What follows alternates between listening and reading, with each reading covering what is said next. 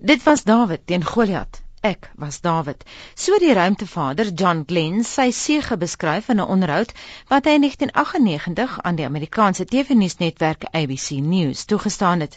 Die ongemaklike feit vir die weste was egter dat Amerika vereers deur die Rus Yuri Gagarin die loof afgesteek is en die dinamiese John Fitzgerald Kennedy wou dit verander. Koppe is gekrap en op 20 Februarie 1962 het John Glenn hom in sy Friendship 7 ruimtekapsule siele vasgegespe. RSG se voorganger, Radio Suid-Afrika, het dienies groot prioriteit gegee.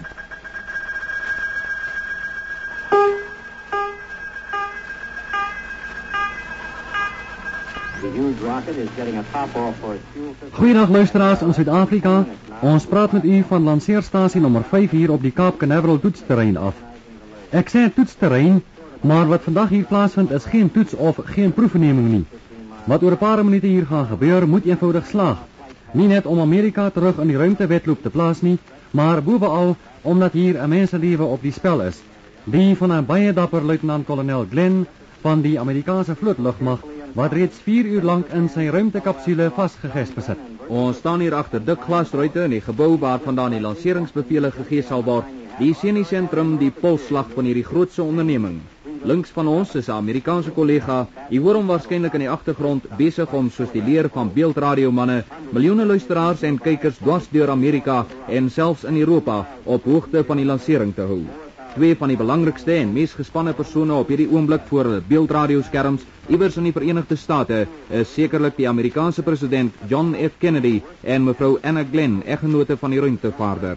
Die spanning is reeds haas onuithoubaar en laai steeds op na mate die sekondes een na die ander verbyter. Hierdie is beslis geen plek vir swak senuwees nie. Om veiligheidsredes word niemand toegelaat om dit buite te wag nie. Selfs die tegniese van skuilings agter dik ruitte van die versterkte betongeboue op die terrein. Ons kyk dus uit oor 'n toetsterrein wat byna onheilspellend verlate daaruit sien verlate behalwe vir een ding die middelpunt van alle belangstelling en die bron van die spanning die Atlas Agena vuurpyl so wat 'n kwart myl van ons af op die lanseerbasis met sy slanke lyf wat in die sonlig blink wys die 90 voet hoë vuurpyl soos 'n vinger die lug in na sukses en glorie of na mislukking en diepe droefheid. Die tyd sal ons weldra leer. Toe die dag vanmôre gebreek het, het ons gevrees die aangekondigde lansering gaan vir die soveelste maal uitgestel word. Dit was koud en bewolk, maar toe breek die son deur. 'n Uur later is bekend gemaak dat vandag tog die groot dag gaan wees.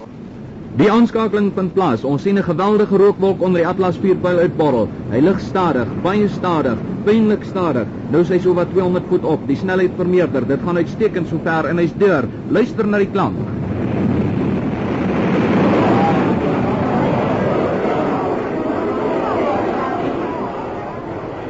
Onder die vuurpyl lek die rooi vlamtong in die blou lug. Glen is 30 sekondes die lug in.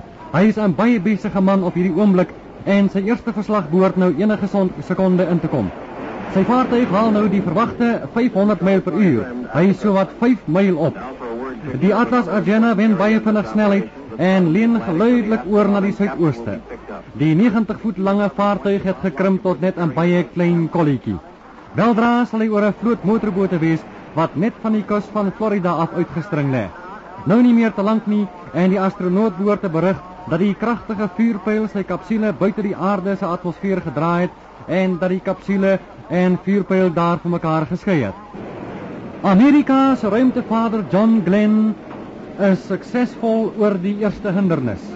Intussen het 'n blaasorkes hier regs van ons die Amerikaanse volkslied aangehef en terwyl die orkes speel, neem ons kontak op met die opsporingsstasie naby Johannesburg waarvandaan ons Glense vlug verder sal volg.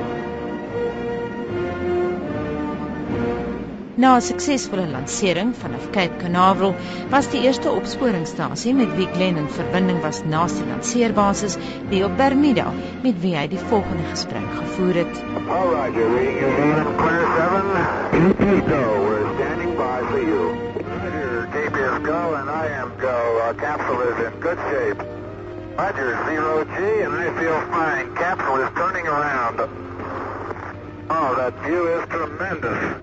Perth sou later met Parys kompeteer vir die titel die stad van lig nadat die Aussies hulle straat en huisligte in die Wes-Australiese stad aangeskakel het om te verseker dat John Glenn hulle sou sien.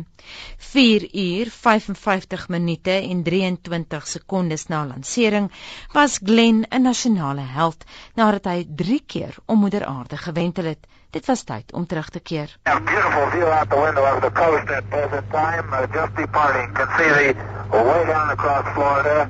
Cannot quite see the Cape yet.